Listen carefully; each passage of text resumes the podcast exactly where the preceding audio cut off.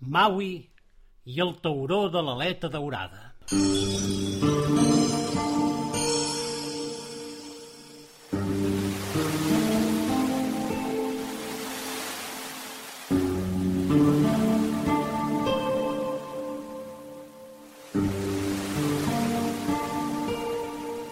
Havien passat tres anys.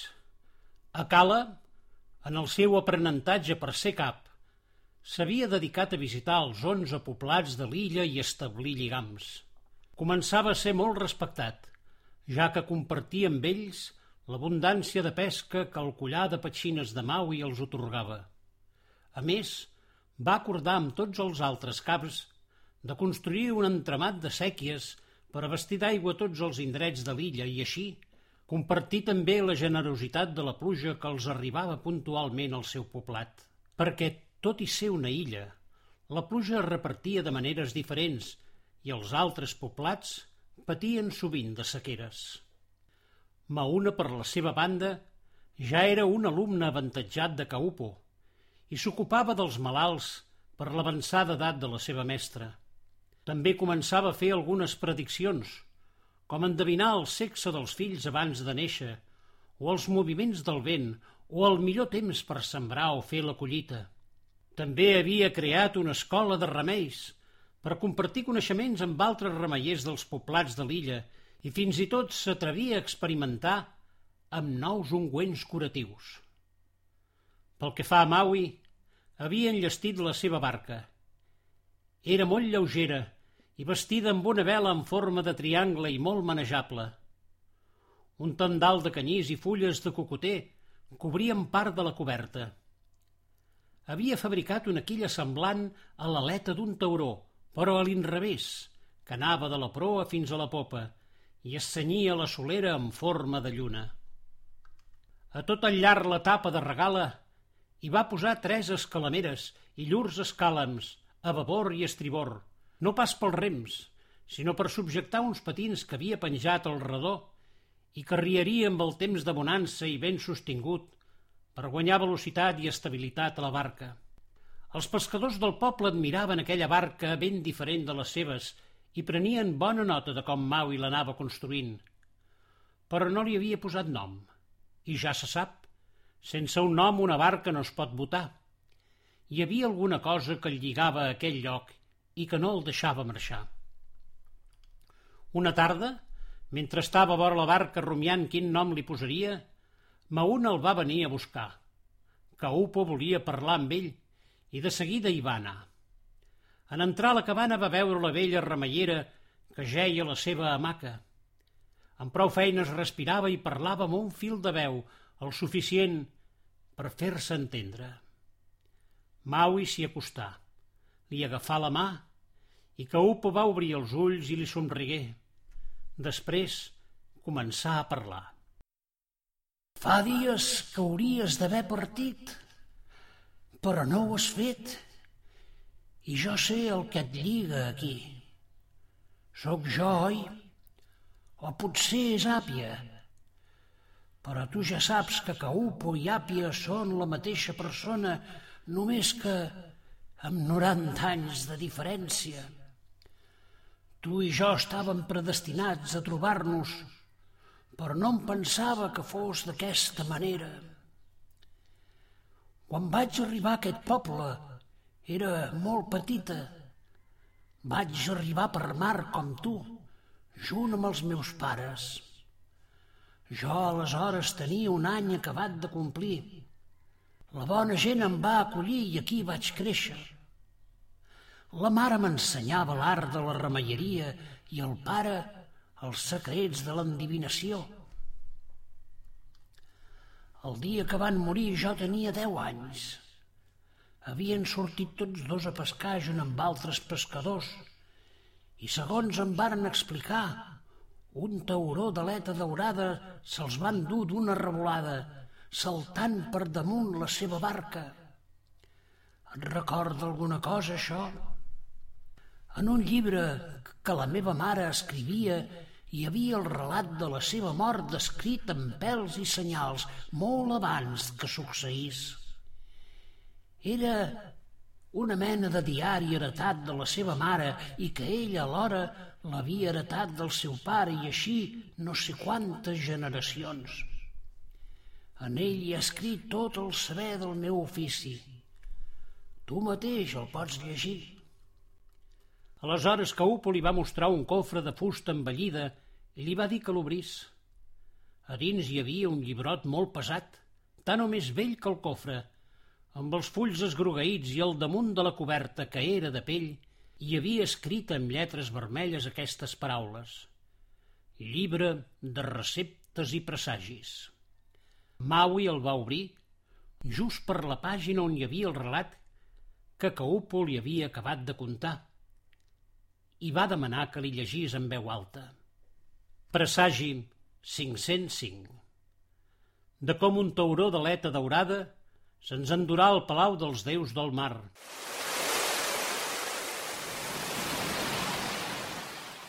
Un dia vindrà que per damunt la nostra barca saltarà un tauró d'aleta daurada i ens arrossegarà al fons del mar.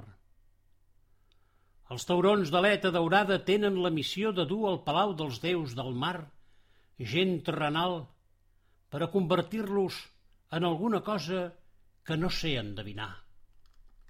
Tampoc sé ben bé per quina raó serem nosaltres escollits. Potser perquè ens vàrem estimar a despit de la voluntat dels déus. Potser perquè som fatillers i remeiers. O potser perquè l'atzar ens ha triat. Qui sap? Però quan arribi aquest dia estarem preparats. Al peu de la predicció hi havia una nota que deia així. Paràpia, la nostra filla, per quan llegeixi aquesta predicció, no ploris per nosaltres, filla. Quan sigui l'hora sabràs d'algú que et vindrà a buscar i llavors el teu esperit i el nostre es retrobaran. Maui va tancar el llibre i Caupo va tornar a parlar. Quan vas arribar, vaig saber de seguida que tu eres aquest algú, però jo ja era molt vella i no et podia acompanyar a la recerca del tauró de l'eta daurada. Per això vaig seguir fil per randa totes les indicacions que la mare va deixar-me escrites en el llibre i que jo, fins aleshores, no entenia la teva arribada, la teva anada a Bailima, la manera de com havia de crear un esperit propi que t'acompanyés, de com escollir els qui t'havien d'acompanyar. Bé, ja saps de què et parlo. Ara, però, Maui, has de marxar. Si tu no marxes, jo no me'n puc anar i no podré reunir-me amb els meus pares. Ho entens? La teva partença també ha de ser la meva. Tens la barca preparada i tens la bosseta de pell de foca amb les tres coses que t'ajudaran a trobar el teu pare. Jo no sé ben bé com les has de fer servir, però tu ho descobriràs a mida que les necessitis. Marxa, Mau, i marxa! Issa la vela i fes-te mar endins i quan estiguis ben lluny, que apenes divisis el nostre poblet dibuixat a la ratlla de l'horitzó, Veuràs com s'enlaira cap al cel un remolí de sorra blanca.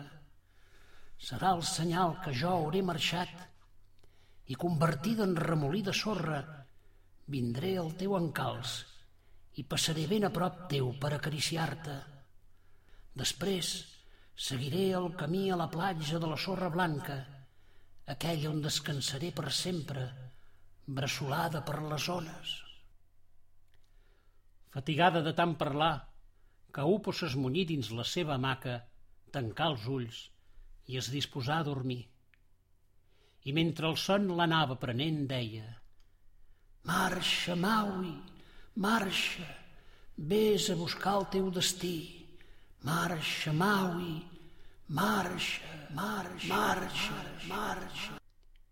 I Maui va marxar, no sense abans batejar la seva barca amb el nom d'Àpia, i mentre navegava mar endins ja enyorava la gent del poble. Tots l'havien anat a acomiadar a l'hora de la marea alta.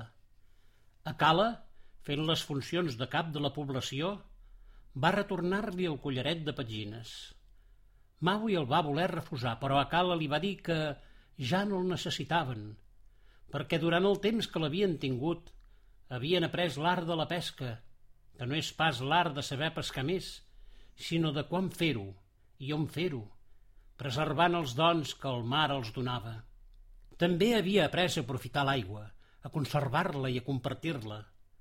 La força del talismà era per aquells que emprenien aventures a mar, tal i com ell havia dit a Matafala abans d'anar a Bailima, i a Maui li caldria en el seu viatge. Caupo també hi va ser a l'acomiadament. La portaren arran de l'aigua en la seva hamaca. Després llançaren flors al mar que feren una catifa de colors per enlliscar àpia la barca de Maui, allunyant-se amb el flux de la marea. Aleshores Caupo va començar a cantar la cançó de comiat i tot seguit la gent de Falepa s'hi va afegir.